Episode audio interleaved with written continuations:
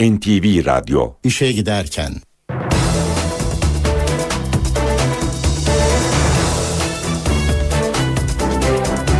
Mutlu sabahlar. Ben Aynur Altunkaş. Bugün 11 Ocak Cuma. Haftanın son iş gününde işe giderken ne karşınızdayız? Saat 9'a kadar Türkiye ve dünya gündemindeki gelişmeleri, gazete manşetlerini, piyasa verilerini, yol ve hava durumlarını aktaracağız. Önce gündemin öne çıkan başlıklarına bakalım. Fransa Cumhurbaşkanı Paris'teki saldırıda ölen 3 PKK'lı kadından birini tanıdığını söyledi. Başbakan Erdoğan Paris'teki saldırıya ilişkin iç hesaplaşma veya provokasyon yorumunu yaptı. Zonguldak'ta Gelik beldesindeki kömür ocağında meydana gelen patlamada bir madenci öldü. Yargıtay Dink cinayeti davasındaki beraat kararının bozulmasını istedi. Yeni sosyal güvenlik yasa tasarısı Meclis Genel Kurulu'nda kabul edildi. İşe giderken gazetelerin gündemi.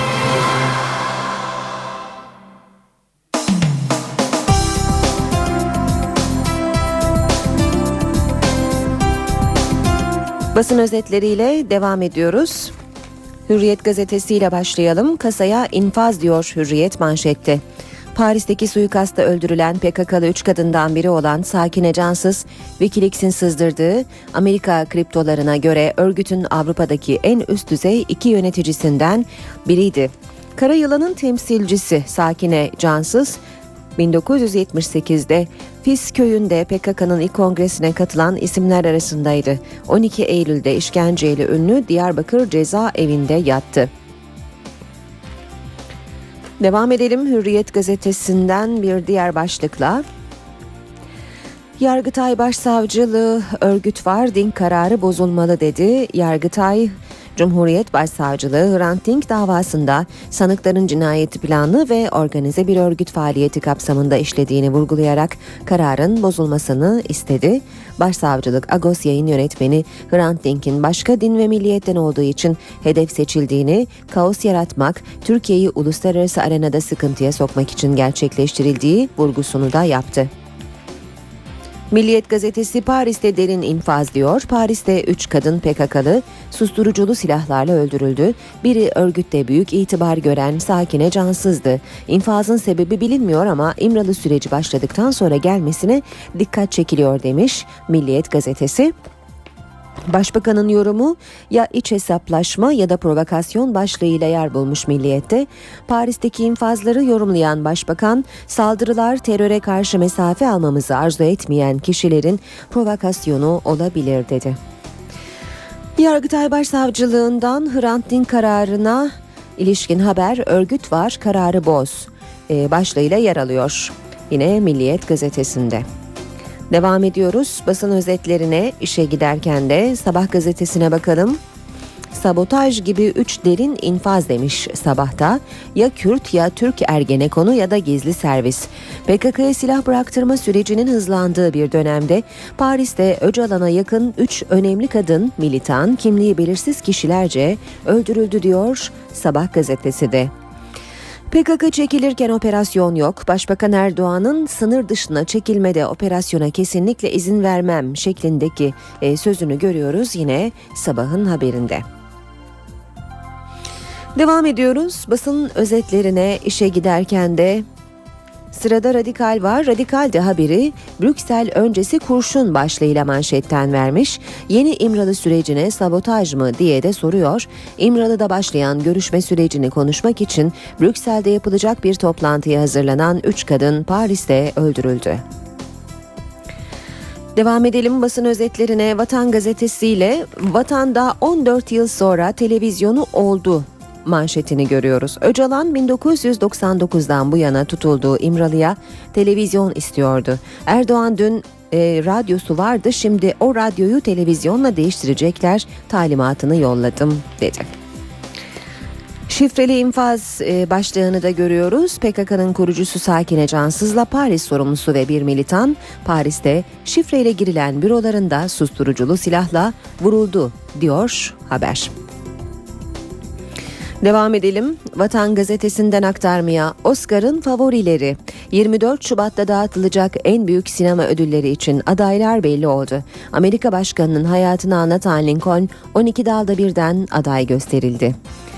En iyi erkek ve kadın oyuncu dallarında Oscar'a aday gösterilen Bradley Cooper ve Jennifer Lawrence'ın başrolünü paylaştığı Umut Işığım filmi Türkiye'de geçen hafta gösterime girdi.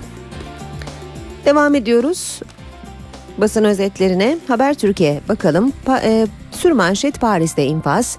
PKK'lı 3 kadını susturuculu silahla öldürdüler. İnfaz İmralı barış sürecine sabotaj şüphesi doğurdu demiş Habertürk gazetesi de. Fransa lideri birini tanıyorum e, diyor Fransa Cumhurbaşkanı Hollande. Şaşırttı. Ölenlerden biri benim de tanıdığım bir isim. İçişleri Bakanı da Doğan'ı tanıyorduk dedi. Habertürk'te manşetse çekilirken vurmayız. Erdoğan silah bırakıp çekilirse operasyona müsaade etmeyiz dedi. Başbakan Senegal'de konuştu. Biz neyi garanti edebiliriz? Bundan önce denemeler oldu. Sınır boylarında bunlara vurgun yapıldı. Silah bırakarak terk ediyorlarsa operasyona müsaade etmeyiz. Başbakan Erdoğan Senegal'de başbakanla e, Fenerbahçe'de oynayan Senegalli futbolcu Sov'un formasını da hediye etti deniyor haberin ayrıntılarında. Zaman gazetesiyle devam edelim. Paris'te esrarengiz infaz demiş zamanda. Aralarında terör örgütü PKK'nın kurucularından Sakine Cansız'ın da bulunduğu üç kadın başlarından vurularak öldürüldü. Suikastın gerçekleştirildiği binanın giriş kapısının şifreli olması kurbanların katilleri tanıdığı ve örgüt içi infaz ihtimalini akıllara getirdi. Paris Kürt Enstitüsü cinayeti müzakere istemeyenlerin provokasyonu olarak niteledi. Yeni Şafak gazetesiyle devam edelim. Mektup ona gidecekti demiş Yeni Şafak'ta. İmralı ile PKK'ya silah bıraktırma görüşmeleri sürerken Fransa'da PKK'nın kurucularından Sakine Cansız'la örgüt elemanları Fidan Doğan ve Leyla Söylemez infaz edildi. Öcalan'ın çözüm için BDP'liler aracılığıyla Avrupa'ya mesaj göndereceği isimler arasında adı geçen Cansız'ın öldürülmesi yeni sürece sabotaj olarak yorumlandı. PKK Fransız istihbaratını sorumlu tuttu. Konuşmaması gerekenler var. İmralı süreciyle ilgili ilk kez konuşan Cumhurbaşkanı Gül, terörü bitirmek için her yönetimin denenebilir yöntemin denenebileceğini söyledi.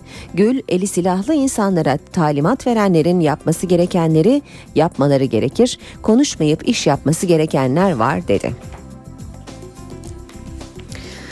Cumhuriyet gazetesine bakalım.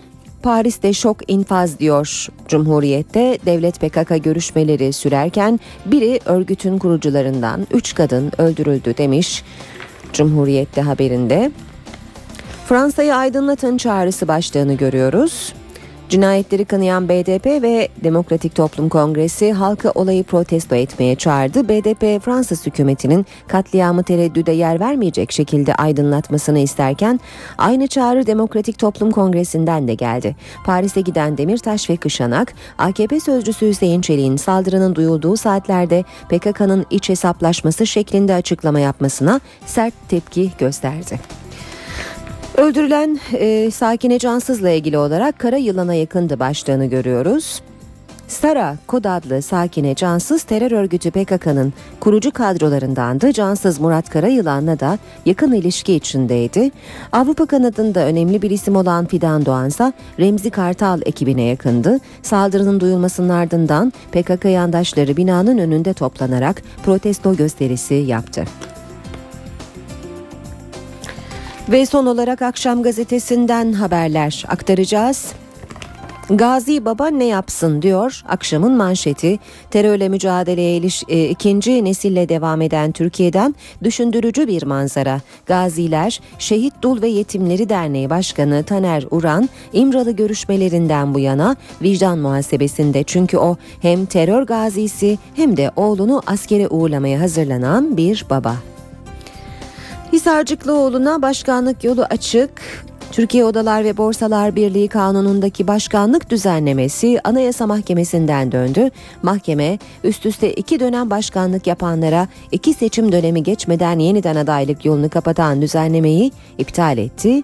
Hisarcıklıoğlu bu kararla yeniden aday olabilecek. Oda ve borsa başkanlarının %80'ini etkileyen iptal kararı oy çokluğuyla alındı deniyor. Haberde bir diğer haber gazeteci ve vekillere yıpranma geri döndü. Hükümet karar verdi. Gazetecilik zor iş. 2008 yılında yıpranma hakkı ellerinden alınan basın emekçileri bu haklarına 10 Ocak Çalışan Gazeteciler Günü'nde yeniden kavuştu. Yeni yasayla milletvekilleri de 5 yıl aradan sonra aynı hakka sahip oldu. MHP ise vekillere karşı çıktı. Başbakan Erdoğan arandı. Onay alınınca Bakan Çelik'in önergesiyle değişiklik gerçekleşti. NTV Radyo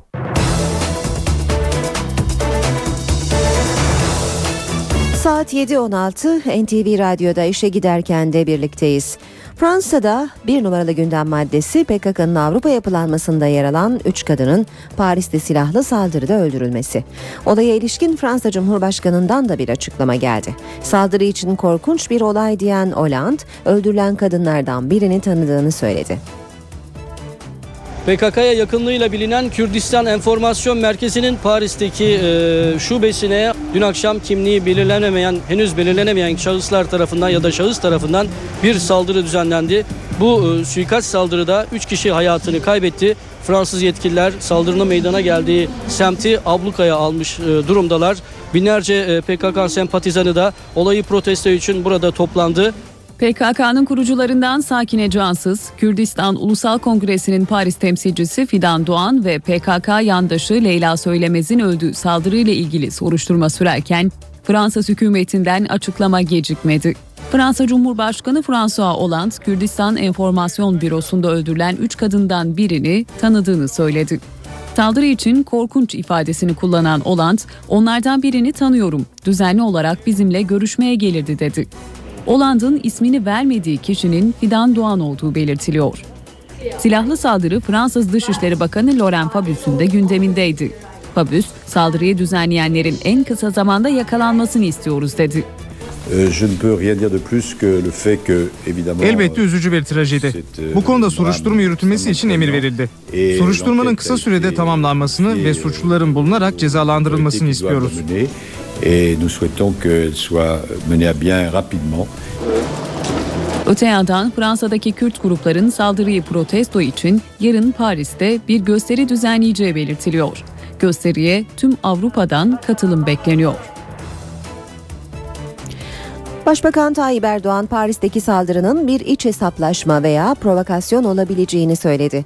Başbakan yardımcısı Bülent Arınç ise vahşet olarak nitelendirdiği saldırıyı kınadı. AK Parti sözcüsü Hüseyin Çelik'in olayı PKK'nın iç hesaplaşması olarak değerlendirmesine ise BDP'den tepki geldi. Cenaze töreni için dün akşam Paris'e giden baş, e, eş başkan Selahattin Demirtaş olayın İmralı sürecine zarar verme ihtimali var dedi.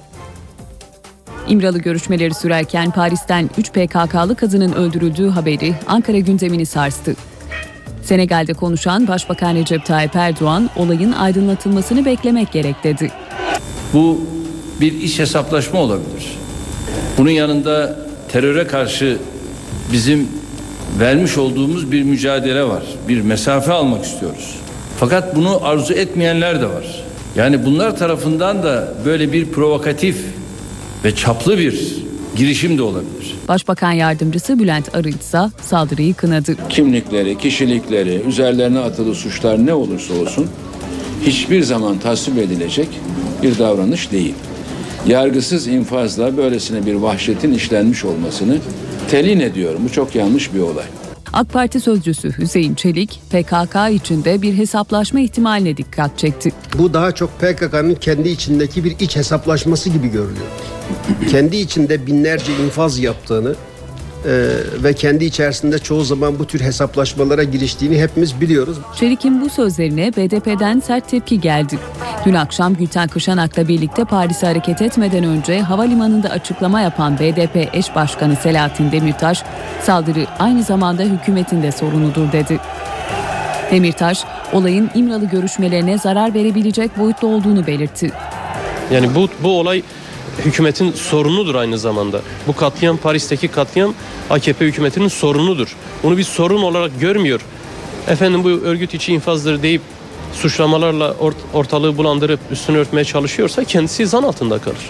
Faillerinin mutlaka açığa çıkacağını düşünüyorum. Çıkmaması halinde, üstünün örtülmesi halinde e, sürece zarar verme ihtimali çok yüksek bir olaydır. Demirtaş ve Kışanak bugün Paris'te düzenlenecek törene katılacak ve Fransa makamlarından saldırıyla ilgili bilgi almaya çalışacak. Bir yandan Paris'teki saldırının yankıları sürerken siyaset, diğer yandan da İmralı ile yürütülen görüşmeleri tartışıyor. Cumhurbaşkanı ve Meclis Başkanı'ndan benzer mesajlar geldi. Her iki isim de konuşmak yerine iş yapılsın diyor. Devlet olarak bizim bütün amacımız Türkiye'nin önündeki bu büyük konuyu yok etmektir. Eli silahlı insanların ve onlara talimat verenlerin yapması gerekeni yapmaları gerekir. Onu göreceğiz. İmralı görüşmelerine ilişkin ilk kez konuşan Cumhurbaşkanı Abdullah Gül, devlet teröre boyun eğiyor eleştirilerine yanıt verdi. Şüphesiz ki karşınızda silahla çıkana daha güçlü silahla cevap verirsin. Devlet boyun eğmez. Ama biraz da konuşmaması gerekenler var. Konuşma yerine iş yapması gerekenler var. Bakalım seyredeceğiz. Bir samimiyet varsa ortada bunu da görürüz. İmralı görüşmeleri Meclis Başkanı Cemil Çiçek'in de gündemindeydi. Olabildiğince gerçekçi olmak lazım. Vatandaşı yersiz beklentilerin içerisine sokmamak gerekecektir. Hemen her gün, her sabah da bu konu Güven Park'ta konuşulacak bir konu değil. Her türlü yönlendirmelere e, açık bir süreç olacağı için bu hassasiyete de iyi bakmamız gerekiyor. Sürece ilişkin hükümet kanadından da dikkat çekici değerlendirmeler geldi. Biz hükümet olarak, siyaset kurumu olarak bu sürecin içinde şu anda değiliz. İstihbarat örgütü bir inisiyatif geliştirdi. Bırakalım iş mecrasında yürüsün. Bugün yazılanların hepsi akıl yürütmedir. Abdullah Öcalan'ın da konuşuluyor olması Abdullah Öcalan'ın terörist başı olmadığı anlamına gelmez. Fazla beklentileri yükselttiğiniz zaman sistemde bir arıza olduğu zaman bu sefer hayal kırıklığı olur. Bakın bir habur olmasın istiyoruz bu tekrar. AK Parti sözcüsü Hüseyin Çelik'in bir de uyarısı vardı. Bu süreci sabote etmeye yönelik bugünlerde bu ve benzeri şeyler olabilir. Buna hepimizin e, çok hassasiyetle yaklaşması ve herkesin teyakkuz durumunda olması gerekiyor. Milli Savunma Bakanı İsmet Yılmaz ise terörle mücadelede bir tek kişinin bile ölmesini istemediklerini vurguladı. Etkisiz hale getirdiklerimiz de bu ülkenin insanı, vatandaşı. Onların anne ve babasının acısını anlamak lazım diye konuştu. İmralı görüşmelerine ilişkin muhalefetin tepkilerine de bakalım. CHP sürece samimi destek verdiğini tekrarlıyor. MHP akan kan müzakereyle durmaz diyor. BDP barış için doğru adresteyiz görüşünde. İmralı görüşmeleri muhalefetin gündemindeki yerini de koruyor. CHP sürece desteklerinin samimi olduğunu tekrarladı.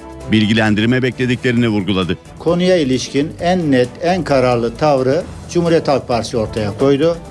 Sayın Genel Başkanımız e, Kemal Kılıçdaroğlu bu konuda hükümete e, bir e, onun önünü açan bir açıklama yaptı. Kısaca bunu samimiyet diye ifade edebiliriz. CHP Grup Başkan Vekili Akif Hamza Çebi partide görüş ayrılığı yok dedi.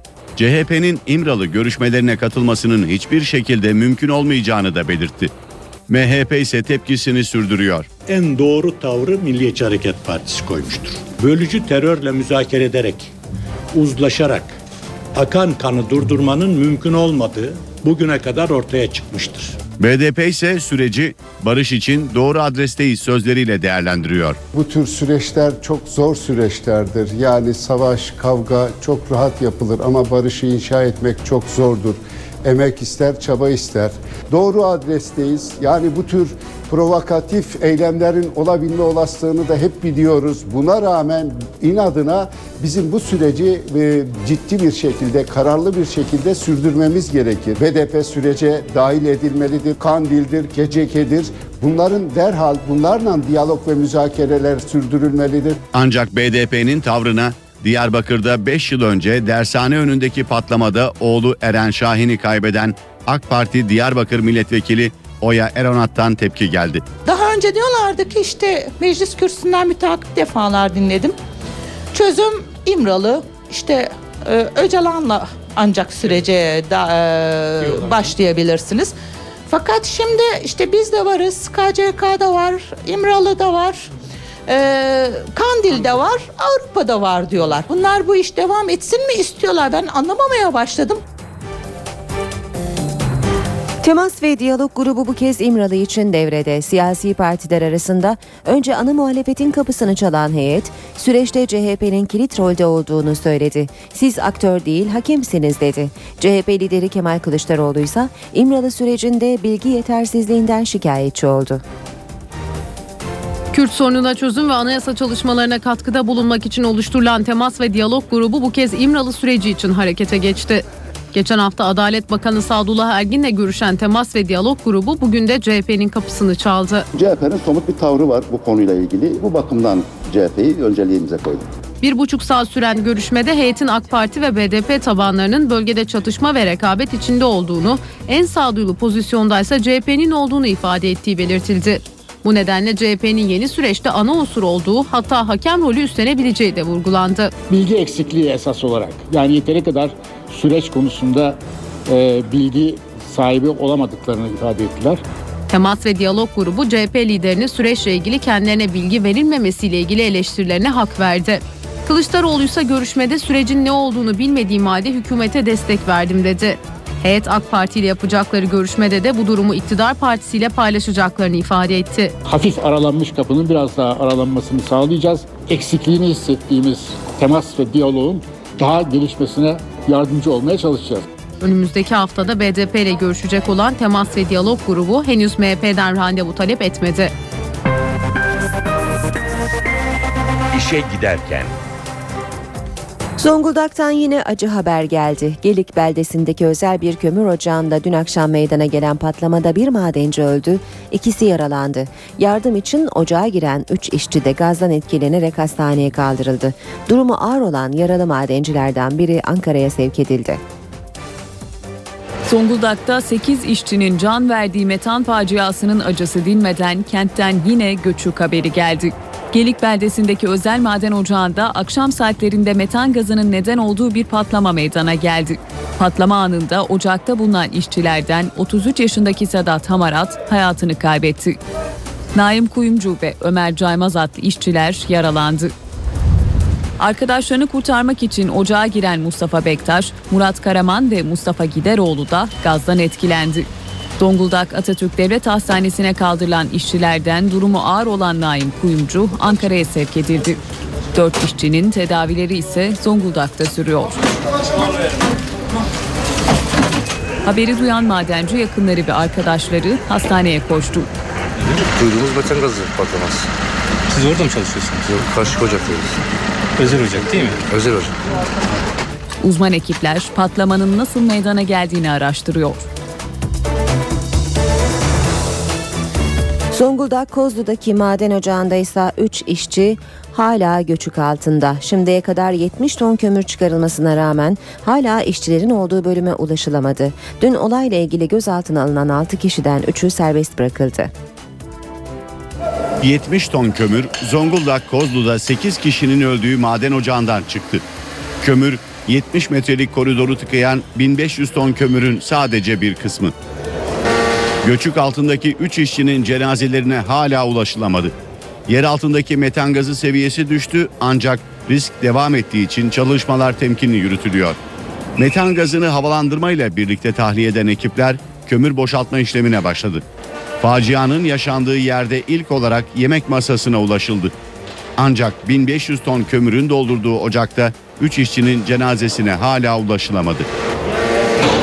Olayla ilgili adli ve idari soruşturma sürüyor.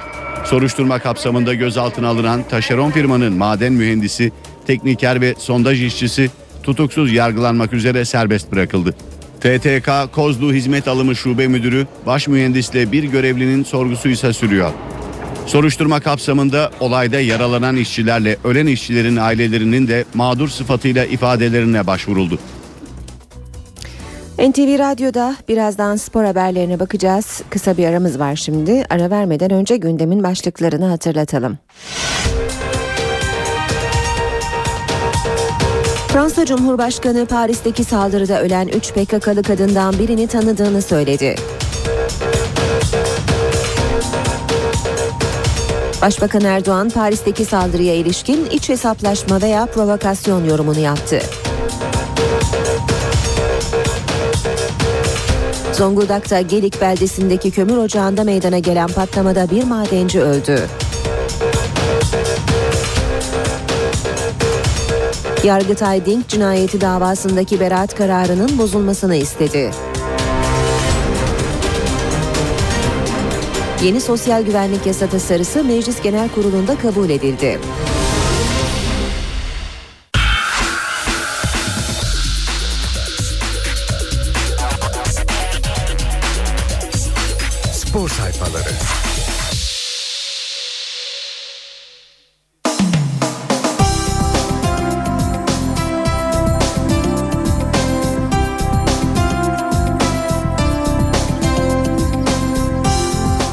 Saat 7.36 NTV Radyo'da işe giderken spor haberleriyle devam ediyor. Habertürk'le başlayalım. Irak'ta bile Galatasaraylı çıkar. İsmi Chelsea ve Manchester United gibi dünya devleriyle anılan Aslan'ın bir numarası Muslera taraftarın ilgisine hayran.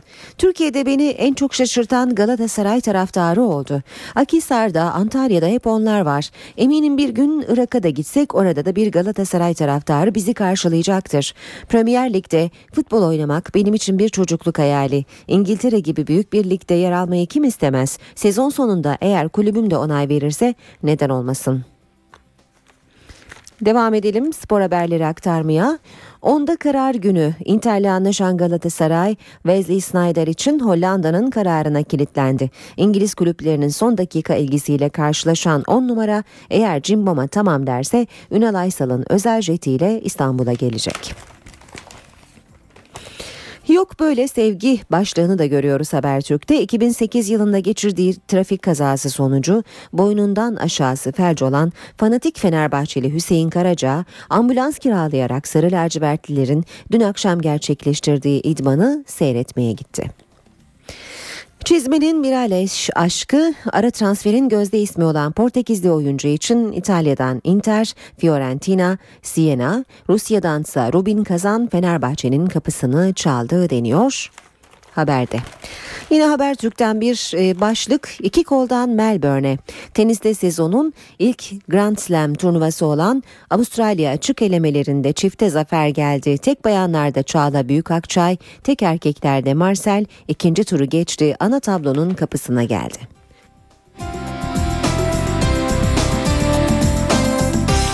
Sabah gazetesinden spor haberleri aktaralım şimdi de. Aslan bir evet daha bekliyor. Wesley Snyder eşi Yolante ile e, onaylarsa bugün Galatasaray'a evet diyecek. 2010'daki düğünde Wesley Snyder'e evet diyen Yolante Cabao bu yanıtı yinelerse Wesley Snyder Galatasaray'ın transfer bombası olacak ve Hollandalı yıldız bugün Milano'dan İstanbul'a aslan olmaya uçacak. Devam edelim. Yine spor haberleri aktarmaya. Artık polis değil yöneticiler. Türk hakemlere çağ atlatan Ülenberg konuşmuş. Hollandalı hakem eğitmeni Ülenberg, Türk hakemlerdeki değişimi anlatırken sahada polis değil yönetici olmayı öğrendiler dedi. Çakır'dan Gerets örneği Hollandalı hakem hocası Uylenberg Türk hakemlere eğitim verirken Çakır da Hollandalı hakemlere konferans verip e, ver, verdi diyor Sabah gazetesi. Devam edelim yine spor haberleri aktarmaya. İyi ki erken davranmış. Giray göğsündeki ağrıyı ciddiye alarak bir maçta yaşanabilecek daha kötü bir olayın önüne geçmiş. Giray Kaçar'ın göğsündeki ağrıları ciddiye alıp hemen doktora başvurması ileride yaşanabilecek daha ciddi sorunların da önüne geçmiş oldu. Şu an ailesinin yanında dinlenen milli futbolcu tedavi seçeneklerini değerlendirirken 2006'da Manisa Spor Galatasaray maçında fenalaşan Meduna'nın yaşadığı sıkıntıyla Giray'ın rahatsızlığının aynı olduğu kaydedildi. Anjiyo yapılan Meduna'daki sorunun kalbi besleyen koroner damarına damarın kalp kıkasının içinden geçmesi olarak ifade edilmişti deniyor haberde. Beşiktaşlı inanmış diyor. Sabahtan bir diğer başlık Milyoner.com'un kim şampiyon olur adlı bahis oyunu taraftarın eğilimlerini ortaya koymuş. Sabah gazetesinden okuyoruz. Devam edelim spor haberleri aktarmaya işe giderken de milliyete bakalım. Milliyet gazetesi Heidi Snyder diyor Galatasaray'ın teklifine evet demesi beklenen Wesley Snyder'in eşinin geçirdiği kaza nedeniyle işi ağırdan aldığı ortaya çıktı. Sarı Kırmızılıların hafta sonu İstanbul'a getirmeye çalıştığı dünyaca ünlü oyuncuya görkemli bir imza töreni düzenlemek için çalışma başlatıldı. Aslan'ın her konuda el sıkıştığı Hollandalı Yıldız kararını bugün kulübe bildirecek. Beşiktaş kardeşliği Olcay Şahan Süper Lig'in en iyi futbol oynayan ekibi olduklarını söyledi. İkinci yarıda düşüş olmaz, tersine çıkış yakalayacağız. Takımda arkadaşlık yok, kardeşlik var. Hiçbir yerde böyle bir ortam görmedim dedi. Kulübeye gözaltı UEFA Hakem Kurulu üyesi Uylen Berk hakemlere ve gözlemcilere yedek kulübesindeki eylemlerle ilgili yeni talimatları anlattı. Hakemin otoritesini zedeleyecek, tribünleri tahrik edecek hiçbir harekete taviz verilmeyecek. Devam ediyoruz. Yine Milliyet gazetesinden aktarmaya Menajerler sıkıntı oldu. Montpellier Kulübü Başkanı Nicoli'nin bazı menajerlerin Fenerbahçe Belhanda'yı almaya mecbur, sakın indirime gitmeyin sözleri üzerine astronomik rakamlarda direndiği öğrenildi deniyor bu haberde de. Nerede kalmıştık? Başkan Yıldırım, CEO Hakkı Hasan Yılmaz'ın göreve başlamasıyla yarım kalan kurumsallaşma çalışmalarını tamamlamak istiyor. Profesyonel yönetim anlayışı yakında devreye sokulacak Fenerbahçe'de. Bir diğer başlık son kabus Makabi 91-73 Fenerbahçe Ülker son çeyrek kabuslarına İsrail deplasmanında da devam etti. 3 çeyrek oyunun içinde kalmayı başarsa da son periyottaki 4 kısalı düzende 38 sayı yiyerek top 16'daki 3. maçını da farklı kaybetti. Kartal dibe vurdu. Top 16'ya iki yenilgiyle giren Beşiktaş, KH Laboral karşısında da yokları oynadı. Maçın başında 25-2'lik seriyle geriye düşen temsilcimiz rakibinden 24 sayı fark yiyerek hayal kırıklığı yaşadığı deniyor ve skor 77-51. Bitiriyoruz böylece spor haberlerini NTV Radyo'da işe giderken devam ediyor. Şimdi İstanbul trafiğindeki son duruma bakalım. İşe giderken. Şu anda D100'de Küçükçekmece Hacı Şerif yönünde meydana gelen bir e, araç arızası var ve bölgede bu nedenle yoğunluk artmaya devam ediyor. Köprülerle devam edelim. Fatih Sultan Mehmet Köprüsü Anadolu Avrupa geçişinde yoğunluk Kozyatağı'ndan başlıyor ve köprü girişine kadar da devam ediyor. Ters yönde şu an akıcı bir trafik var sadece. E, gişelerde başlayan e, gişeler sonrasında başlayan e, bir yoğunluk var ve bu yoğunluk köprü girişinde yerini akıcı bir trafiğe bırakıyor. Tem otoyolunda Ataşehir Çamlıca gişeler arası çok yoğun seyrediyor. Boğaziçi Köprüsü Anadolu Avrupa geçişi Libadiye katılımı itibarıyla yoğun bir trafiğe sahip ve yoğunluk köprü ortasında yerini akıcı bir trafiğe bırakıyor. Ters yönde Boğaziçi Köprüsü Anadolu yakasına geçişte köprü girişinde başlayan bir yoğunluk olduğunu görüyoruz. Yoğunluk köprü çıkışına kadar etkili sonrasında trafik rahat ve akıcı. Anadolu yakası E5 karayolunda Maltepe Kavşağı Kartal arasında trafik yavaş ilerliyor. Ters yönde e, Maltepe Kavşağı'ndan Kozyatağı'na kadar yoğun akıcı nitelikte bir trafik olduğunu görüyoruz. Ayrıca Göztepe Uzunçayır arası da yine e, çok yavaş e, seyre sahip olan güzergahlardan bir diğeri. D100 karayolu Çoban Çeşme itibariyle başlayan yoğunluk Otakçılara kadar e, devam ediyor. Tem otoyolunda Mahmut Bey Batı Kavşağı itibarıyla Akşemsettin Viyadüğü'ne kadar çok yoğun e, bir trafiğe sahip. Ayrıca Kemerburgaz ayrımı Hastal Kavşağı arası ve e, Seyran Tepe Maslak Kavşağı arası yine yoğun seyreden e, bölgelerden bir diğeri. Tem otoyolu Edirne yönünde metresi itibarıyla yoğunluk var. Yoğunluk Mahmut Bey iki, iki telliye kadar etkili e, olarak sürüyor. O üç karayoluyla da bitirelim bu bölümü. E, Mahmut Bey Doğu Kavşağı itibarıyla hal arasında çok yoğun bir trafik olduğunu görüyoruz. Sonrasında Bayrampaşa'ya kadar biraz daha akıcı bir trafik var. Anıt Mezar'a kadar yine akıcı e, ama e, yoğun ama akıcı bir trafik olduğunu söyleyebiliriz. Ayrıca ters yönde Hal Mahmut Bey arasında da yine seyir hızı çok yavaş. Bayrampaşa Yıldırım Hal arasında da trafiğin yoğun seyrettiğini gözlemliyoruz. Şehir içinde de kimi yerlerde yoğunluk var. E, Büyükdere Caddesi, Sanayi Mahallesi ve 1. Levent arasında da yine e, yoğun bir trafik olduğunu söylemek mümkün.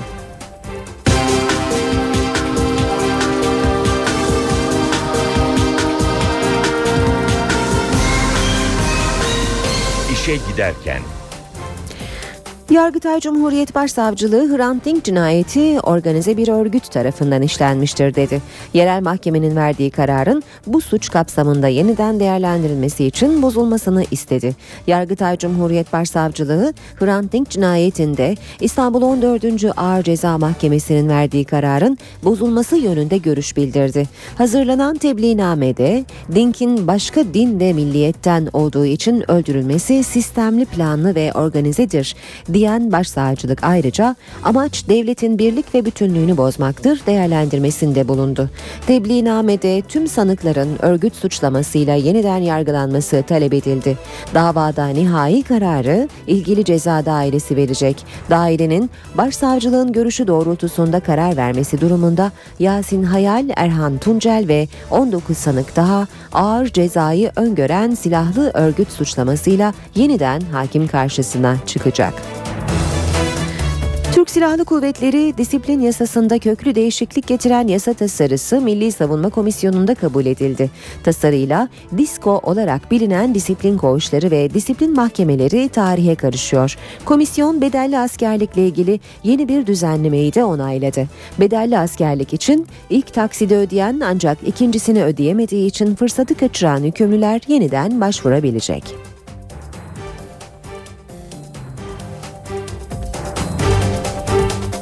Ne yaş düştü ne de bedel azaldı. Milli Savunma Komisyonu sadece bedelli askerlikten yararlanma süresini bir ay daha uzattı. Bedelli askerlik için ilk taksidi ödeyen ancak ikincisini ödeyemediği için fırsatı kaçıranlar yeniden başvuru yapabilecek. Düzenlemeden bedelli şartlarını taşıyan ancak daha önce başvuru yapmayanlar da faydalanabilecek. Bu kişilerden bir kısmı da Askeri Yüksek İdare Mahkemesi'ne başvurmuş ve onlardan talepleri de haklıdır diye kabul edildiği de olmuştur. Başvurusu kabul edilenlerden ikinci taksit için öngörülen 6 aylık süreyi geçirenler ve ilk taksitini geri alanlar ile şartları taşıdığı halde 15 Haziran 2012 tarihine kadar başvuruda bulunmamış olanlara bedelli askerlik hizmetine yararlanmak için yeni bir hakta tanınmıştır. Bedelli askerliğe ilişkin düzenleme Türk Silahlı Kuvvetleri Disiplin Kanun Tasarısı ile birlikte görüşüldü. Disiplin kanun tasarısı da komisyonda kabul edilerek Meclis Genel Kurulu'na sevk edildi. Tasarı, disko olarak bilinen disiplin koğuşu uygulamasına son veriyor. O da hapsi sadece seferberlik ve savaş zamanında veya barışta sadece Türk karasuları dışında bulunan gemilerde uygulanabilecek ve 14 günü geçemeyecek. Tasarı yasalaştığında disiplin mahkemeleri kaldırılacak.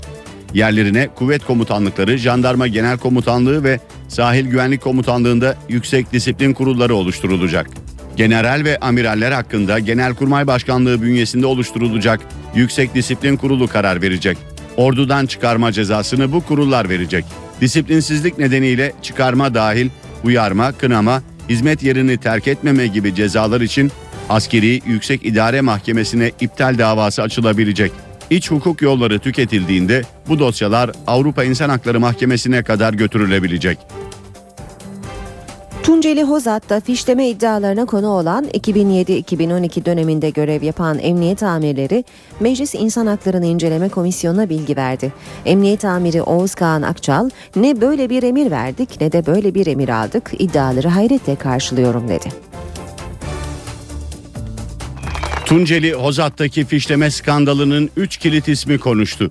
Fişlemelerin yapıldığı iddia edilen 2007-2012 döneminde Hozat'ta görev yapan emniyet amirleri Oğuz Kağan Akçal, Murat Uçar ve Oktay Kaygısız komisyona bilgi verdi. 3 emniyet amiri de görev yaptıkları dönemde ne böyle bir emir verdiklerini ne de aldıklarını söyledi. İşimi yasalar çerçevesinde yaptım diyen Oğuz Kağan Akçal, fişleme kayıtlarının çıktığı harici hard diskle ilgili konuştu. İlçede görev yapan diğer güvenlik güçlerine ya da mülki idareye ait olabilir dedi. Jandarma, ilçedeki Tugay Komutanlığı ya da kaymakamlığı işaret eden Akçal, soruların muhatabı sadece biz olmamalıyız dedi. Murat Uçarsa böyle bir talimat gelse bile yazılı isteriz. Çünkü bu kanunsuz emirdir dedi.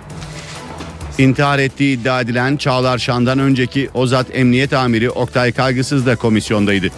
Komisyon Başkanı Mehmet Metiner, Ozat Emniyetinde görevli bir polis memurunun harici hard disk Oktay Kaygısız döneminde alındığı ifadesini hatırlattı. Kaygısız, içinde fişlemelerin olduğu öne sürülen harici hard diskin kendi döneminde satın alınmış olabileceğini, kendisinin de birkaç kez bu hard diske bakmış olabileceğini söyledi. Ancak hard diskin içinde Hozat'ta kaydedilen bir festivalin video ve fotoğrafları olduğunu belirtti. Yaklaşık 4,5 milyon kişiyi yakından ilgilendiren sosyal güvenlikle ilgili yeni düzenlemeler getiren yasa tasarısı Meclis Genel Kurulu'nda kabul edildi. Yasayla gazeteciler 2008 yılında kaybettikleri yıpranma payı haklarına yeniden kavuştu. Aynı hak milletvekillerine de verildi. Ayrıca yasada öğrenciler, emekliler, gazi ve şehit yakınları için de yeni düzenlemeler var. 10 Ocak Çalışan Gazeteciler Günü'nde basın mensuplarına Meclis Genel Kurulu'ndan müjdeli bir haber geldi. Gazeteciler 2008 yılında kaldırılan yıpranma payı haklarına yeniden kavuştular. Meclis Genel Kurulu'nda görüşülen sosyal güvenlikle ilgili yeni düzenlemeler getiren yasa tasarısı kabul edildi ve yasalaştı. Tasarıya sonradan eklenen 3 maddeyle sarı basın kartı sahibi gazeteciler ve milletvekillerinin prim ödeme gün sayılarına çalışma sürelerinin her 360 günü için 90 gün fiili hizmet süresi zammı eklenmesine karar verildi. Yani gazeteci ve milletvekillerinin çalıştıkları her 4 yıl 1 yıl fazla çalışmış olarak sayılacak ve 5 yıl olarak kabul edilecek. Düzenleme yıpranma hakkının kaldırıldığı 2008 yılı Ekim ayı itibariyle geçerli sayılacak. Mecliste kabul edilen tasarı 4 milyondan fazla kişiyi ilgilendiren yeni haklar da içeriyor. Liseyi bitirip üniversiteyi kazanan öğrenciler 20 yaşını aşmamak şartıyla ve 120 gün süreyle anne babalarının sağlık sigortasından yararlanmaya devam edecek. Gaziler, Kore, Kıbrıs ve İstiklal Savaşı gazisi olarak şeref aylığı alanlar ve eşleri istedikleri özel hastanede ücretsiz sağlık hizmeti alabilecek. Bağkur'a borcu olduğu halde başkaları üzerinden sağlık hizmeti alan borçları silinecek. Emeklilikten sonra ticari faaliyette bulunanların sosyal güvenlik destek birimi ödemesinden kaynaklı borçları da taksitlendiriliyor. Anayasa Mahkemesi oda ve borsalarda üst üste iki dönem başkanlık yapanların yeniden seçilebilmek için iki dönem ara vermesine hükmeden yasa maddesini iptal etti. Böylece Türkiye Odalar ve Borsalar Birliği Başkanı Hisarcıklıoğlu'nun da aralarında bulunduğu oda başkanları görevlerini herhangi bir süre sınırlaması olmadan devam ettirebilecek. Yüksek Mahkemenin bu kararı AK Parti tüzüğündeki 3 dönem seçilme şartını gündeme getirdi.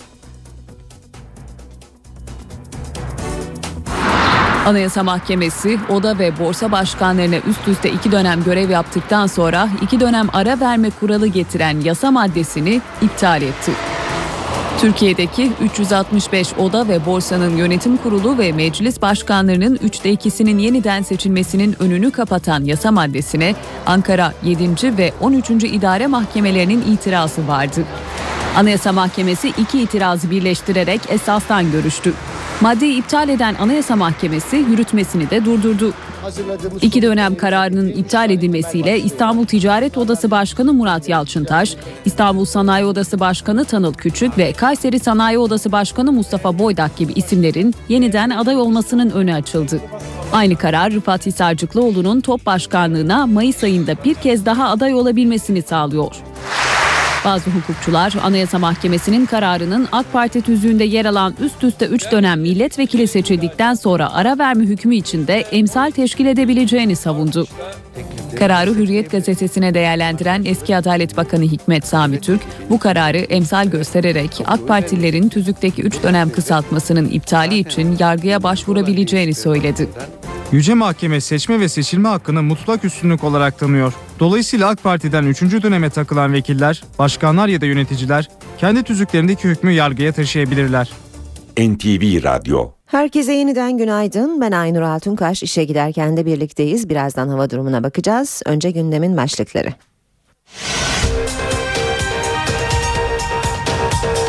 Fransa Cumhurbaşkanı Paris'teki saldırıda ölen 3 PKK'lı kadından birini tanıdığını söyledi. Başbakan Erdoğan Paris'teki saldırıya ilişkin iç hesaplaşma veya provokasyon yorumunu yaptı. Zonguldak'ta Gelik beldesindeki kömür ocağında meydana gelen patlamada bir madenci öldü. Yargıtay Dink cinayeti davasındaki beraat kararının bozulmasını istedi. Yeni sosyal güvenlik yasa tasarısı Meclis Genel Kurulu'nda kabul edildi.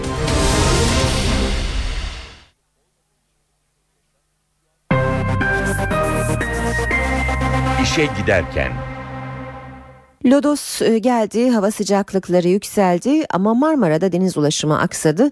E, Gökhan Abur'la konuşacağız. Önce bir günaydın diyelim, günaydın. Günaydın. E, deniz otobüsü seferleri iptal edildi. E, hemen e, kısaca aktaralım. Şu anda İDO'nun tüm iç hat seferleri yapılamıyor. E, dış hatlarda da seferler yapılamıyor. E, Armutlu, Yenikapı, e, Kartal, Yalova seferleri iptal edilmiş durumda. E, iç hat seferleri de az önce belirttiğimiz gibi e, yapılamıyor. İstanbulluları uyaralım. E, buyurun. Evet e, söylediğiniz gibi bugün için batı bölgeler e, Lodos dediğimiz güneyli rüzgarların etkisi altına girdi. Şu anda İstanbul'da hızı yer yer 30 kilometreyi geçen bir rüzgar var. E, tabii bu rüzgar e, her ne kadar biraz serin esse de aslında Lodos sıcak bir rüzgar ama sistem kuzeyde olduğu için zaman zaman serin es- esmesini de bekliyoruz. E, sıcaklıkları biraz yükseltti. İstanbul'da şu anda hava sıcaklığı 7 derece. Dün bu saatlerde İstanbul'da eksi 2, eksi 3 derecelik sıcaklıklar vardı. İzmirliler uzun süreden sonra birkaç günlük aradan sonra nihayet e, 6 dereceyi görebildiler. Çünkü İzmir'de dün oldukça soğuk bir gün geçirmişti. İlerleyen saatlerde orada da lodos yönlü rüzgarlar etkisini giderek arttıracak. Ve yağış geliyor. Doğuda yağış etkisini kaybetti. Doğuda bugün için yağış beklemiyoruz. Ama don, buzlanma etkili yalnız doğuda değil iç kesimlerde de don ve buzlanma bugün için etkisini sürdürmeye devam edecek. Yarın sıcaklıklar biraz iç kesimlerde yükselecek ama bugün için iç kesimler ve doğuda hava oldukça soğuk. Batıda sıcaklığın yükselmesine bağlı olarak şu anda iki değişik e, bulut kümesi batı bölgeleri etkisi altına almaya başladı. Birincisi kuzeyde bulunan e, Çanakkale, Gelibolu, Edirne ve Edremit Körfezi'nin etkisini altına alıp Tekirdağ'a doğru ilerleyen e, yoğun bir bulutlanma var. O bölgelerde yağış başladı. Bu yağışlar ilerleyen saatlerde İstanbul'a doğru yaklaşacak. Öğleden sonra İstanbul'un özellikle e, Avrupa yakası daha sonra da tümünü etkisi altına alacak akşam saatlerinde ve aralıklarla yağmur şeklinde devam edecek. Bir başka bulut kümesi ise şu anda Çeşme'yi etkisi altına almış durumda ve sistem hemen hemen kıyı Ege'yi etkileyecek ve güneyde Batı Akdeniz'e doğru ilerleyip akşama doğru Antalya'da da yağmurun başlamasına sebep olacak. Batı kesimlerde yağmur şeklinde başlayan bu yağışlar iç kesimlerde havanın soğuk olmasından dolayı özellikle Ankara, Eskişehir, Konya, Kütahya ve Bolu, Karabük, Kastamonu arasındaki bölgede yine bugün kar şeklinde olacak. Evet e, hemen güneyi uyarmak istiyorum çünkü bu akşam saatlerinde Antalya'ya gelmesini beklediğimiz yağışlar ilerleyen saatlerde özellikle yarın sabah erken saatlerde ve yarın yer yer kuvvetlenecek. Kaş, Finike'den başlayıp özellikle Antalya merkez, Kemer ve Lara'dan başlayıp Alanya'ya kadar olan bölgede ve iç kesimlerde Manavgat'ta kuvvetli sağanak yağmurlar bekliyoruz. Bölge sakinleri dikkatli olsunlar. Evet bizleri bugün için bekleyen hava koşulları genelde böyle. Batıda yaşayanlar yağmura hazırlıklı olsunlar. Sıcaklıklar yükseliyor. Pazar günü Marmara'da birkaç derecelik azalış olacak ama önümüzdeki hafta hava oldukça ılık. Şimdiden bunu söyleyebilirim. Ee, çok kısa olarak şunu soralım. Ee, genellikle e, çevredekiler e, yeni bir kar dalgasının ne zaman geleceğini soruyorlar özellikle İstanbul için. Yakın zamanda görüyor musunuz? Valla şu an işin e, yok. Aralıklarla yağmur devam edecek. e, ayın 24-25'i gibi ikinci bir soğuk hava dalgasının gelmesi lazım. Çünkü atmosfer bir kendisini dengede tutan bir Hı hı. e, yapıya sahiptir. Dolayısıyla şu anda Batı Avrupa'da çok ve Kuzey Avrupa'da hava hızlı bir şekilde soğudu. Hı hı. Bizde hava çok soğukken o, böl- o bölgede hava ılıktı. Hı hı. Şimdi orası soğudu biz ısınacağız. Sonra orası Onlar ısınırken... biz tekrar soğudu. Ayın 24-25'i gibi görüyorum. Evet. Ee, en erken tekrar e, batıya karın gelebilmesi için. Ama Şubat ayı çok soğuk geçebilir. Şimdiden, Şimdiden hazırlıklı hazırlıklı olmakta fayda var. Teşekkür ediyoruz. Gökhan Abur'la birlikteydik. Türkiye'nin lider araç takip sistemi Arvento hava durumunu sundu.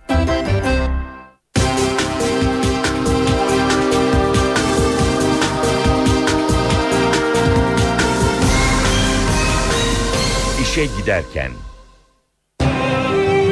İşe giderken gazetelerin gündemi.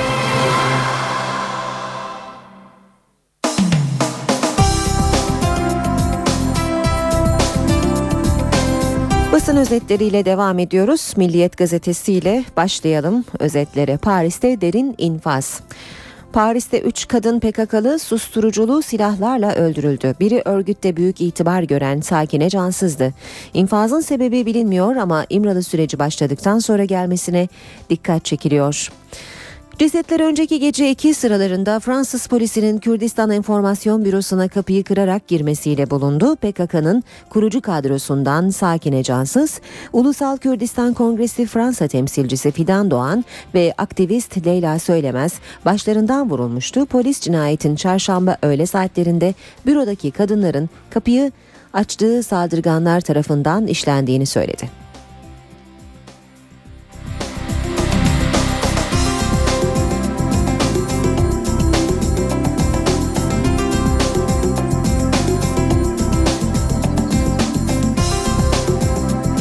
Milliyetten habere devam edelim. Ölenlerden biri bizimle buluşurdu. Fransa Cumhurbaşkanı Hollande infazları korkunç olarak tanımlayıp kınadı. Hollande bu olay benim de aralarından birini tanıdığım 3 kişiyi doğrudan etkiliyor. Bizimle düzenli bir şekilde buluştuğu için onu ben ve çok sayıda siyasi aktör tanırdı açıklamasını yaptı. İç hesa- ya iç hesaplaşma ya da provokasyon. Başbakandan infaz yorumu. Paris'teki infazları yorumlayan Başbakan Erdoğan, saldırılar teröre karşı mesafe almamızı arzu etmeyen kişilerin provokasyonu olabilir dedi. Hürriyet gazetesi de haberi manşetinden veriyor. Kasaya infaz başlığıyla Paris'teki suikastta öldürülen PKK'lı 3 kadından biri olan Sakine Cansız'ın Wikileaks'in sızdırdığı Amerikan kriptolarına göre örgütün Avrupa'daki en üst düzey iki yöneticisinden biri olduğu ifade ediliyor.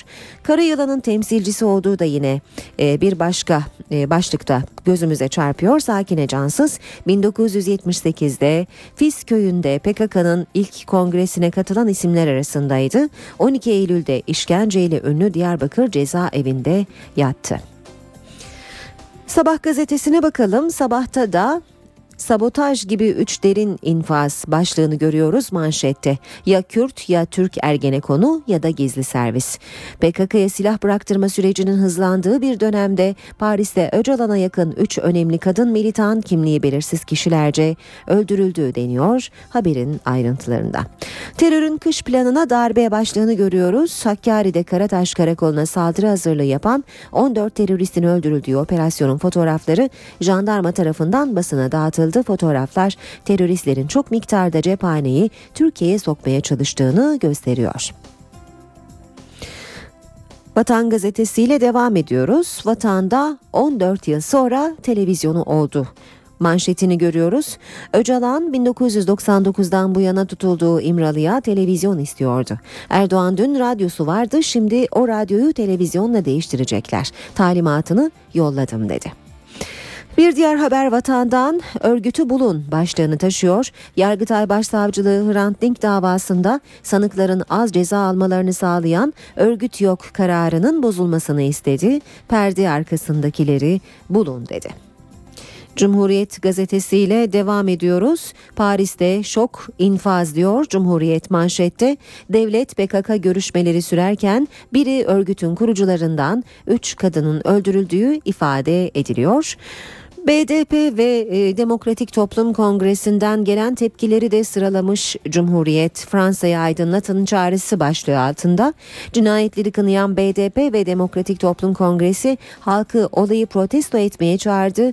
BDP Fransız hükümetinin katliamı tereddüde yer vermeyecek şekilde aydınlatmasını isterken aynı çağrı Demokratik Toplum Kongresi'nden de geldi. Paris'e giden Demirtaş ve Kışanak AKP sözcüsü Hüseyin Çelik'in saldırının duyulduğu saatlerde PKK'nın iç hesaplaşması şeklinde açıklama yapmasına sert tepki gösterdi.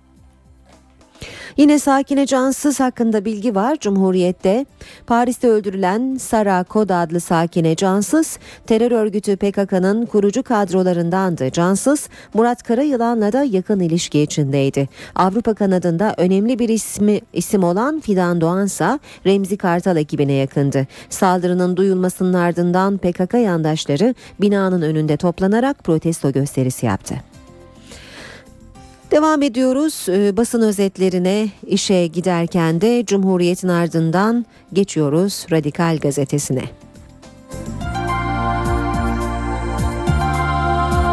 Radikal'de de Brüksel öncesi kurşun diyor manşet Ee, yeni İmralı sürecine sabotaj mı başlığını görüyoruz.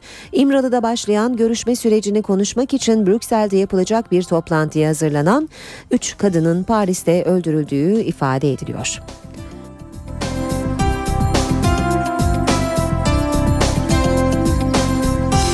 Zaman gazetesi de haberi Paris'te esrarengiz infaz başlığıyla vermiş. Aralarında terör örgütü PKK'nın kurucularından Sakine Cansız'ın da bulunduğu 3 kadın başlarından vurularak öldürüldü. Suikastın gerçekleştirildiği binanın giriş kapısının şifreli olması kurbanların katilleri tanıdığı ve örgüt içi infaz ihtimalini akıllara getirdi. Paris Kürt Enstitüsü cinayeti müzakere istemeyenlerin provokasyonu olarak niteledi.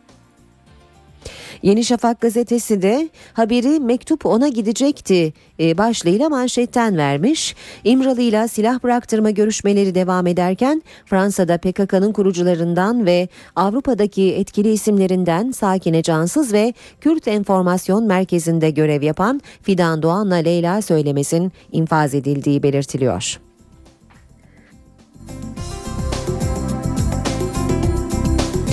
Habertürk gazetesi Paris'te infaz demiş sürmanşette PKK'lı 3 kadını susturucu silahla öldürdüler ifadesi yer alıyor. Bir diğer başlık manşette çekilirken vurmayız. Başbakan Erdoğan silah bırakıp e, çekilirlerse operasyona müsaade etmeyiz dedi.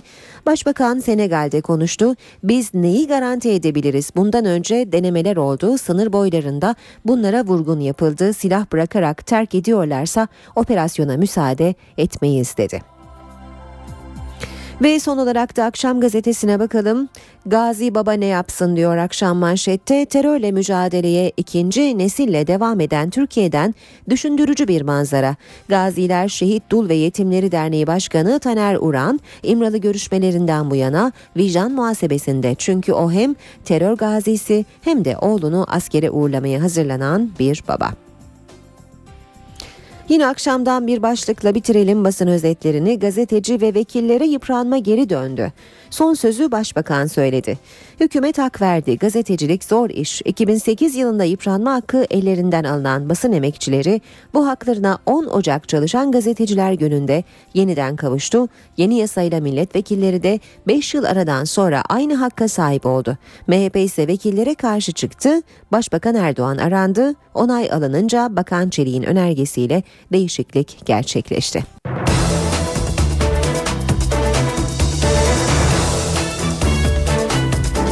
Saat 8.18 işe giderken gündemin ayrıntılarıyla sürüyor. 5 gün süren Afrika gezisini tamamlayan Başbakan Tayyip Erdoğan İstanbul'a geldi. Başbakan uçakta Paris'teki saldırıya ilişkin önemli açıklamalar yaptı. Ayrıntıları NTV muhabiri Ercan Gürses'ten dinliyoruz. Başbakan Tayyip Erdoğan gazetecilerin çalışan gazeteciler gününü kutladı ve orada gazetecilerle sohbet etti. Bu sohbet esnasında Başbakan Recep Tayyip Erdoğan'ın güncel gelişmelerle ilgili önemli değerlendirmeleri oldu. Başbakan Erdoğan'ın en önemli değerlendirmesi Fransa'da öldürülen 3 kişiyle ilgiliydi. Kürt Enstitüsü'nde öldürülen ve onlarla ilgili teknik bilgileri açıkladı Başbakan. Daha öncesinde bilinmiyordu ancak bazı şifreli kilitler olduğu belirlendi. Bu şifreyi bilmeyenlerin açabileceği bir şey değil. Üçü bunu açıyor. Bunlar da herhalde tanımadıkları insanlara bunu açmazlar. Tanıdıkları, bildikleri insana açıyorlar dedi. E, Başbakan Erdoğan'ın İmralı ile ilgili de değerlendirmeleri vardı. Abdullah Öcalan'ın şartlarında yapılabilecek nasıl iyileştirmeyi yaptıklarını ifade etti. Yatağı var, televizyon da verdik. Daha önce attığımız adımlar belli. Yeni bir şey beklemeyin dedi. Başbakan Erdoğan kabine revizyonu konusunda da her an olabilir diyerek açık lafı bıraktı. Erdoğan Afrika seyahatinde Fransa'ya yaptığı eleştirilere de açıklık getirdi ve daha önce Sarkozy'den çok çektiklerini ifade etti. Sarkozy'nin e, Türkiye ile ilgili tarihimize dönelim ifadeleri kullanılmasına Senegal'i, Tunus'u ve Cezayir'i görsün diye başbakan değerlendirmede bulundu. Başbakanın uçaktaki açıklamalarının ayrıntıları böyleydi. Fransa'da bir numaralı gündem maddesi PKK'nın Avrupa yapılanmasında yer alan 3 kadının Paris'te silahlı saldırıda öldürülmesi. Olaya ilişkin Fransa Cumhurbaşkanı'ndan da bir açıklama geldi. Saldırı için korkunç bir olay diyen Hollande öldürülen kadınlardan birini tanıdığını söyledi. PKK'ya yakınlığıyla bilinen Kürdistan Enformasyon Merkezi'nin Paris'teki e, şubesine dün akşam kimliği belirlenemeyen, henüz belirlenemeyen şahıslar tarafından ya da şahıs tarafından bir saldırı düzenlendi. Bu e, suikast saldırıda 3 kişi hayatını kaybetti. Fransız yetkililer saldırının meydana geldiği semti ablukaya almış e, durumdalar. Binlerce e, PKK sempatizanı da olayı protesto için burada toplandı. PKK'nın kurucularından Sakine Cansız, Kürdistan Ulusal Kongresi'nin Paris temsilcisi Fidan Doğan ve PKK yandaşı Leyla Söylemez'in öldüğü saldırıyla ilgili soruşturma sürerken Fransız hükümetinden açıklama gecikmedi. Fransa Cumhurbaşkanı François Hollande, Kürdistan Enformasyon Bürosu'nda öldürülen 3 kadından birini tanıdığını söyledi. Saldırı için korkunç ifadesini kullanan Hollande, onlardan birini tanıyorum, düzenli olarak bizimle görüşmeye gelirdi dedi. Hollande'ın ismini vermediği kişinin Fidan Doğan olduğu belirtiliyor. Silahlı saldırı Fransız Dışişleri Bakanı Laurent Fabius'un da gündemindeydi. Fabius, saldırıyı düzenleyenlerin en kısa zamanda yakalanmasını istiyoruz dedi. Elbette üzücü bir trajedi. Bu konuda soruşturma yürütülmesi için emir verildi. Soruşturmanın kısa sürede tamamlanmasını ve suçluların bulunarak cezalandırılmasını istiyoruz. Et nous souhaitons qu'elle soit menée à bien rapidement. Öte yandan Fransa'daki Kürt grupların saldırıyı protesto için yarın Paris'te bir gösteri düzenleyeceği belirtiliyor. Gösteriye tüm Avrupa'dan katılım bekleniyor. İşe giderken Yargıtay Cumhuriyet Başsavcılığı Hrant Dink cinayeti organize bir örgüt tarafından işlenmiştir dedi. Yerel mahkemenin verdiği kararın bu suç kapsamında yeniden değerlendirilmesi için bozulmasını istedi. Yargıtay Cumhuriyet Başsavcılığı Hrant Dink cinayetinde İstanbul 14. Ağır Ceza Mahkemesi'nin verdiği kararın bozulması yönünde görüş bildirdi. Hazırlanan tebliğnamede Dink'in başka din ve milliyetten olduğu için öldürülmesi sistemli, planlı ve organizedir diyen başsavcılık ayrıca amaç devletin birlik ve bütünlüğünü bozmaktır değerlendirmesinde bulundu. Tebliğnamede tüm sanıkların örgüt suçlamasıyla yeniden yargılanması talep edildi. Davada nihai kararı ilgili ceza dairesi verecek. Dairenin başsavcılığın görüşü doğrultusunda karar vermesi durumunda Yasin Hayal, Erhan Tuncel ve 19 sanık daha ağır cezayı öngören silahlı örgüt suçlamasıyla yeniden hakim karşısına çıkacak. Zonguldak Kozlu'da 8 işçinin hayatını kaybettiği facianın 3. gününde kentten yine acı haber geldi. Gelik beldesinde özel kömür ocağında meydana gelen patlamada bir madenci öldü, iki işçi de yaralandı. Yardım için ocağa giren 3 işçi de gazdan etkilenerek hastaneye kaldırıldı. Gelik beldesi Ayıçı mahallesinde bulunan özel bir maden ocağında metan gazı patlaması meydana geldi. Ocaktaki işçilerden 33 yaşındaki Sedat Hamarat hayatını kaybetti. Naim Kuyumcu ve Ömer Caymaz yaralandı. Arkadaşlarını kurtarmak için ocağa girdiği belirtilen Mustafa Bektaş, Murat Karaman ve Mustafa Gideroğlu da gazdan etkilendi. Zonguldak Atatürk Devlet Hastanesi'ne kaldırılan işçilerden durumu ağır olan Naim Kuyumcu Ankara'ya sevk edildi. Batı kardan kurtuldu ama ülkenin doğusu kar esaretinden kurtulabilmiş değil. 700'ün üzerinde köy yolu kapalı. Yoğun kar ve tipi en çok da hastaneye ulaşmaya çalışan hastaları mağdur ediyor. Kar batıda etkisini yitirdi ancak doğuda hakimiyeti sürüyor. Hakkari ve Bitlis'te kar kalınlığı 2 metreyi buldu. Şemdinli'nin Aşağı Kayalar köyünde çığ altında kalan iki kişiye henüz ulaşılamadı. Bölgede ulaşım durma noktasında. 700'ün üzerinde köy yolu ulaşıma kapalı. En büyük sıkıntı sağlık hizmetlerinde yaşanıyor. Hakkari'nin Yüksekova ilçesine bağlı Dedeler köyündeki bir hasta için sağlık ekiplerinin yanı sıra il özel idaresine bağlı ekipler de seferber oldu. Yaşlı adam 6 saatlik zorlu bir çalışmanın sonunda hastaneye ulaştırıldı. Muş'un Korkut ilçesinde de paletli kar ambulansı tipi nedeniyle mahsur kaldı. Ambulanstaki iki kişi 12 saat sonra kurtarıldı. Van'da da sağlık ekipleri hamileler için çalışma başlattı. Kent genelindeki 32 bin hamile kadının adresleri tespit edildi. Gerektiğinde acil müdahale için durumları takip ediliyor. Yoğun karla birlikte etkili olan buzlanma kazalara yol açtı. Gümüşhane'de işleri taşıyan bir minibüs kayganlaşan yolda kontrolden çıkarak devrildi. 8 kişi yaralandı. Kocaeli'nin Bayraktar köyünde ise 200 sarının çatısı biriken kar nedeniyle çöktü. Köylüler yaklaşık 1 milyon lira zarar etti. Öte yandan Samsun'a bağlı Konakören köyünde öğrenciler kar nedeniyle mahsur kalmış ancak 30 saat sonra evlerine dönebilmişti. Olaydan geç haberi olduğunu belirten vali olayla ilgili inceleme başlattı.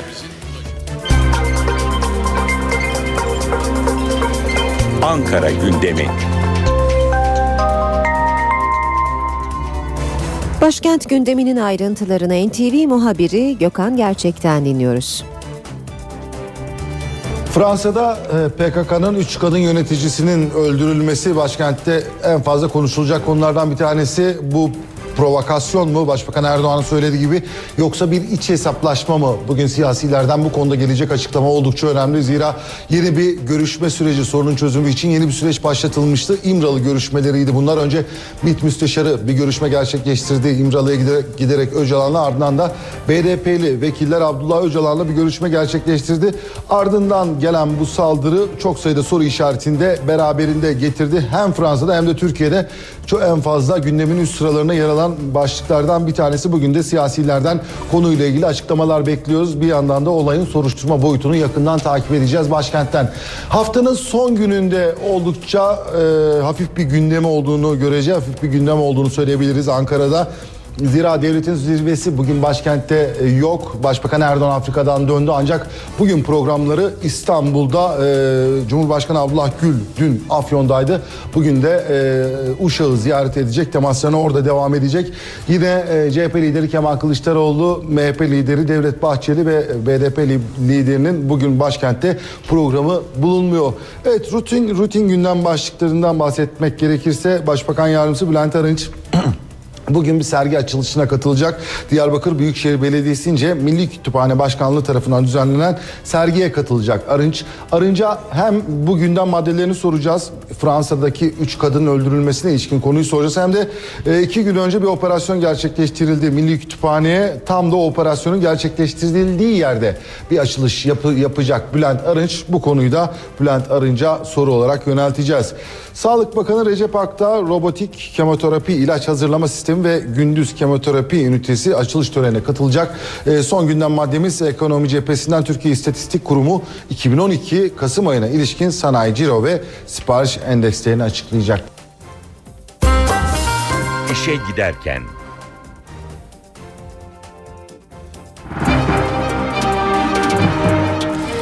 Piyasalarla devam edelim. İMKB 100 endeksi 311 puan azalarak %0,38 değer kaybetti ve 80.837 puandan kapandı. Bu sabah serbest piyasada dolar 1.77, euro 2.34'ten işlem görüyor. Euro dolar 1.33, dolar yen 89 düzeyinde. Altının onsu 1673 dolar. Kapalı çarşıda külçe altının gramı 95 lira. Cumhuriyet altın 643, çeyrek altın 159 liradan işlem görüyor. Brent petrolün varil fiyatı 112 dolar.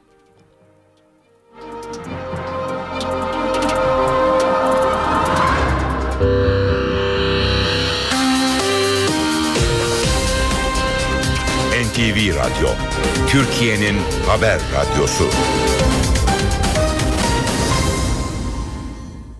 Saat 8.30 olmak üzere ben Aynur Altunkaş işe giderken de birlikteyiz. İstanbul trafiğine bakmadan önce gündemin başlıklarını hatırlayalım.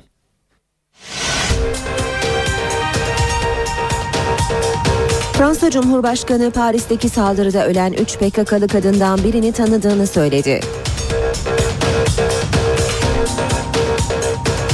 Başbakan Erdoğan Paris'teki saldırıya ilişkin iç hesaplaşma veya provokasyon yorumunu yaptı.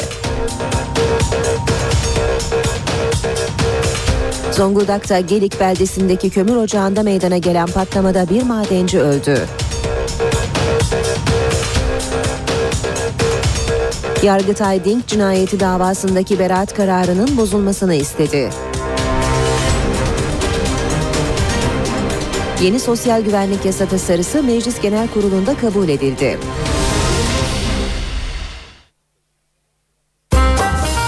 İşe giderken İstanbul'da deniz ulaşımı şu anda iptal. Ee, İDO'nun e, bazı hatlarındaki seferler yapılamıyor. Saat 6.20 itibariyle saat 13'e kadar yapılması gereken Bostancı Kartal, Yalova Kartal, Armutlu e, seferleri, Bandırma Yenikapı seferlerinin e, şiddetli lodos nedeniyle yapılamadığını söyleyelim. Bu arada e, İç Hat Deniz Otobüsü seferlerinde de iptaller var. Bakırköy, Yenikapı, Kadıköy, Bostancı, Bostancı, Kabataş, Boğaz hattı ve Maltepe seferleri şu anda yapılamıyor. E, ayrıca Sirkeci, Harem, araba vapuru seferleri de elverişsiz hava ve deniz koşulları sebebiyle yapılamıyor. Karayollarına gelince e, Boğaz, e, Boğaz köprüleriyle başlayalım önce. Fatih Sultan Mehmet Köprüsü Anadolu Avrupa geçişi Ataşehir itibarıyla köprü girişine kadar yoğun. Ters yönde gişeler sonrası köprüye kadar yoğunluk var. Sonrasında trafik oldukça rahat. E, Boğaziçi Köprüsü'nde Anadolu Avrupa yönünde Libadiye itibarıyla başlayan yoğunluk köprü girişine kadar etkili. Sonrasında trafik akıcı. Avrupa Anadolu geçişinde ise köprüye yaklaşırken sürücüler e, sıkıntı yaşayabilirler ama köprüden sonra trafik e, akıcı bir seyre sahip. E, Çamlıca'dan itibaren Libadiye yönünde de yine yoğunluk yaşandığını söyleyelim. Bu yoğunluk Mustafa Kemal Mahallesi'ne kadar devam ediyor. D100 karayolunda Çoban Çeşme itibarıyla başlayan ve Darül Aceze'ye kadar devam eden yoğun bir trafik söz konusu. Ters yönde e, Ok Meydanı Ayvansaray arasında ve ayrıca İncirli Kavşağı Yeni Bosna arasında trafik yoğun seyrediyor. O 3'te Hal Mahmut Bey ve Hal Anıt Mezar arası yoğun seyreden bölgelerden Gazi Osman Paşa ve e, tekstil kent arasında Tem'de yoğun bir trafik olduğunu belirtelim. Ayrıca Akşemsettin Viyadüğü, Kemerburgaz ayrımı ve Hastal Kavşağı arasında e, ve bir de Maslak Kavşağı'nda trafiğin yoğun olduğunu belirtelim. Anadolu yakasında da E5 Karayolu, Maltepe Kavşağı, Kozyatağı arasında e, yoğun bir trafiğe sahip.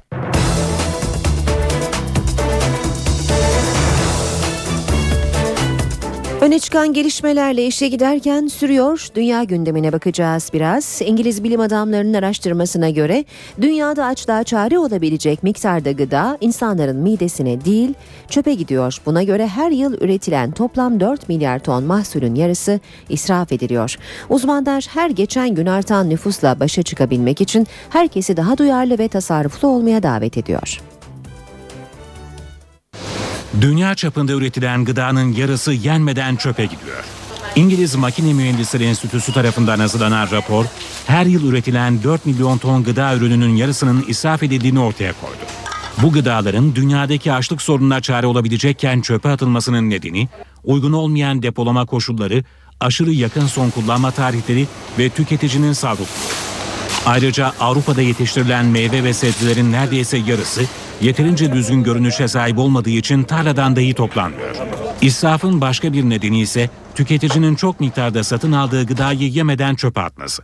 Böylece her yıl 2 milyar ton gıda ya toprakta kalıyor ya da çöpe gidiyor. Dünyadaki aç insanların doyurulmasına yarayacakken atılan gıda ürünleri toprağın, suyun ve enerjinin de müsrifçe harcanması anlamına geliyor. Yiyecek israfını azaltmak için küresel anlamda ciddi bir strateji belirlenmesi gerektiğine dikkat çeken uzmanlar herkesi daha tasarruflu davranmaya davet ediyor. Oscar adayları belli oldu. Eski Amerika Başkanı Abraham Lincoln'un hayatını konu alan Steven Spielberg imzalı Lincoln tam 12 dalda Oscar'a aday gösterildi. Onu 11 dalda adaylıkla görselliğiyle büyük beğeni kazanan Life of Pi izledi. We're pleased to announce that the films selected as the Best Picture nominees for 2012 are 85. Oscar ödülleri için yarışacak yapımlar Los Angeles'ta açıklandı. Lincoln shall have a new birth of freedom, that government of the people, by the people. Bu yılki törenlere Lincoln filmi damgasını vuracak gibi. Steven Spielberg imzalı Lincoln, en iyi film, en iyi yönetmen ve en iyi erkek oyuncu dahil toplam 12 dalda aday. Moment. Now, now, now. Life of Pi, Gil Netter, Ang Lee, and David Womark producers. Lincoln'ü 11 kategoride aday gösterilen, okyanusun ortasında vahşi hayvanlarla dolu bir filikada mahsur kalan gencin hikayesinin anlatıldığı Pi'nin yaşamı takip ediyor. Aşk, Düşler Bahçesi, Zincirsiz ve El-Kaide lideri Usame Bin Laden'in öldürüldüğü operasyonun anlatıldığı Zero Dark Thirty en iyi film kategorisinde aday olan yapımlardan bazıları. Tout à l'heure, quand je suis entrée, je me suis rappelé comment je vous écoutais toujours faire l'amour quand j'étais. Michael Haneke'nin Aşk adlı filmi sadece en iyi film değil, aynı zamanda en iyi yabancı film kategorisinde de Oscar adayı. Tu es un monstre parfois. The nominees for Best Performance by an Actor in a Leading En iyi erkek oyuncu ödülü için Lincoln'den Daniel Day-Lewis, Uçuş filminden Denzel Washington, Sefillerden Hugh Jackman öne çıkan isimler. En iyi kadın oyuncu dalında ise Oscar tarihinin en genç ve en yaşlı adayları heykelcik için yarışacak. 9 yaşındaki Quentin Wallace Düşler Bahçesi'ndeki rolüyle, 85 yaşındaki Emmanuel River da aşktaki performansıyla Oscar adayı. 85. Oscar ödülleri 24 Şubat'ta Los Angeles'ta düzenlenecek törende sahiplerini bulacak. İşe giderken Sırada BBC Türkçe servisinin gözünden İngiltere basınında öne çıkan gelişmeler var. Paris'te aralarında PKK'nın kurucularından Sakine Cansız'ın da bulunduğu 3 Kürt eylemcinin öldürülüşü gazetelerde geniş yer buluyor. Guardian, Paris'teki üçlü cinayet Türkiye'nin Kürtlerle barış görüşmelerine gönderilen bir sinyal miydi diye soruyor. Sebebi konusunda farklı görüşler dile getirilse de bir şeyin kesin olduğuna dikkat çeken Guardian, bu ölümlerin Türkiye'de 10 yıllardır süren ve en az 45 bin kişinin ölümüne yol açan çatışmayı sona erdirmek amacıyla Türk yetkililer ve Abdullah Öcalan arasında başlayan temasları etkileyeceğini yazıyor. Financial Times, PKK'nın Avrupa sorumlularından Zübeyir Aydar'ın Paris saldırılarından Türkiye'deki derin devleti sorumlu tuttuğunu, fakat öte yandan Fransa'nın eski terörle mücadele savcısı Jean-Louis Bruguière gibi gözlemcilerin ise Öcalan'ın barış sürecini reddeden muhalif PKK'lıların cinayetleri işlemiş olmasına daha çok ihtimal verdiğini bildiriyor. Tam nedeninin anlaşılması için zamana ihtiyaç olduğunu söyleyen Bruguière, üç kadının para anlaşmazlığı ya da dışarıdan bir grubun saldırısı sonucu da öldürülmüş olabileceklerini sözlerine ekliyor. Türkiye'den gazeteci Yavuz Baydar'ın görüşlerine de yer veren Financial Times, Kuzey İrlanda barış süreci esnasında İRA örgütü içindeki bölünmeye benzer bir gelişmenin şimdi PKK içinde de yaşanıyor olabileceği fikrini satırlarına taşıyor. 90'ların sonunda barış anlaşmasına karşı çıkan İRA militanları ana örgütten kopmuş ve şiddet eylemlerini sürdürmüştü. Times gazetesi ise konuyu başyazısında işliyor. Kürtlerin davası başlığı altında Türkiye'de hükümet ile Kürtler arasındaki yakınlaşma işaretlerinin Paris'te işlenen zalimce cinayetlerin nedeni olabileceğini yazan Times, bu suçlar istikrar arayışını rayından çıkaramaz diye ekliyor. Türkiye'nin Kürtçe dil haklarını ve Kürtlerin siyasi haklarını kabul etmesini isteyen, yerinden olmuş Kürtlerin eski köylerine yerleşmesinin sağlanması gerektiğini kaydeden Times, Avrupa Birliği'nin haklı olarak bu talepleri Türkiye'nin üyelik başvurusunda ön koşul olarak sunduğunu yazıyor. Başyazıda 1980'lerin sonuna değin Türkiye'de Kürtçe konuşmanın bile yasak olduğu ve Türk Silahlı Kuvvetleri'nin ülkedeki 12 milyon Kürt'e karşı gaddarca bir askeri kampanya yürüttüğü kaydediliyor. Ancak Times, Kürtlerin hak arayışını desteklemekle beraber PKK konusunda çok farklı düşünüyor. Gazetenin ifadesiyle Öcalan bir Nelson Mandela değil. Örgütün çok sayıda sivilin öldürüldüğü, canice suçlar işlediğini yazan Times, 1990'larda PKK'nın intihar saldırıları da düzenlediğine dikkat çekerek, Abdullah Öcalan'ın bizzat kendisinin intihar eylemcilerini genellikle genç kadınlar arasından seçtiğini belirtiyor. İşe giderkenin sonuna geldik. Gündemi kısaca hatırlayalım. Bugün e, öne çıkan e, gündem maddesi dün Paris'te gerçekleşen saldırıda ölen 3 PKK'lı kadın ve olayın İmralı sürecine ne yönde bir etkisi olacağı. Yurt dışından dönen Başbakan Erdoğan dönüş yolunda uçakta konuyla ilgili konuştu. Daha önce de yaptığı açıklama gibi saldırının bir provokasyon olabileceği konusuna değindi. Bugün konuyla ilgili gerek hükümetten gerekse muhalefetten açıklamaların sürmesi bekleniyor. Ayrıca Zonguldak'tan üzücü bir haber daha geldi. Bu kez Gelik beldesindeki bir özel kömür ocağında patlama oldu ve bir maden işçisi hayatını kaybetti. 3 madenci yaralandı. İşe giderkenden bugünlük de bu kadar. Ben Aynur Altunkaş. Saat başında gelişmelerle yeniden birlikte olabilmek umuduyla hoşçakalın. NTV Radyo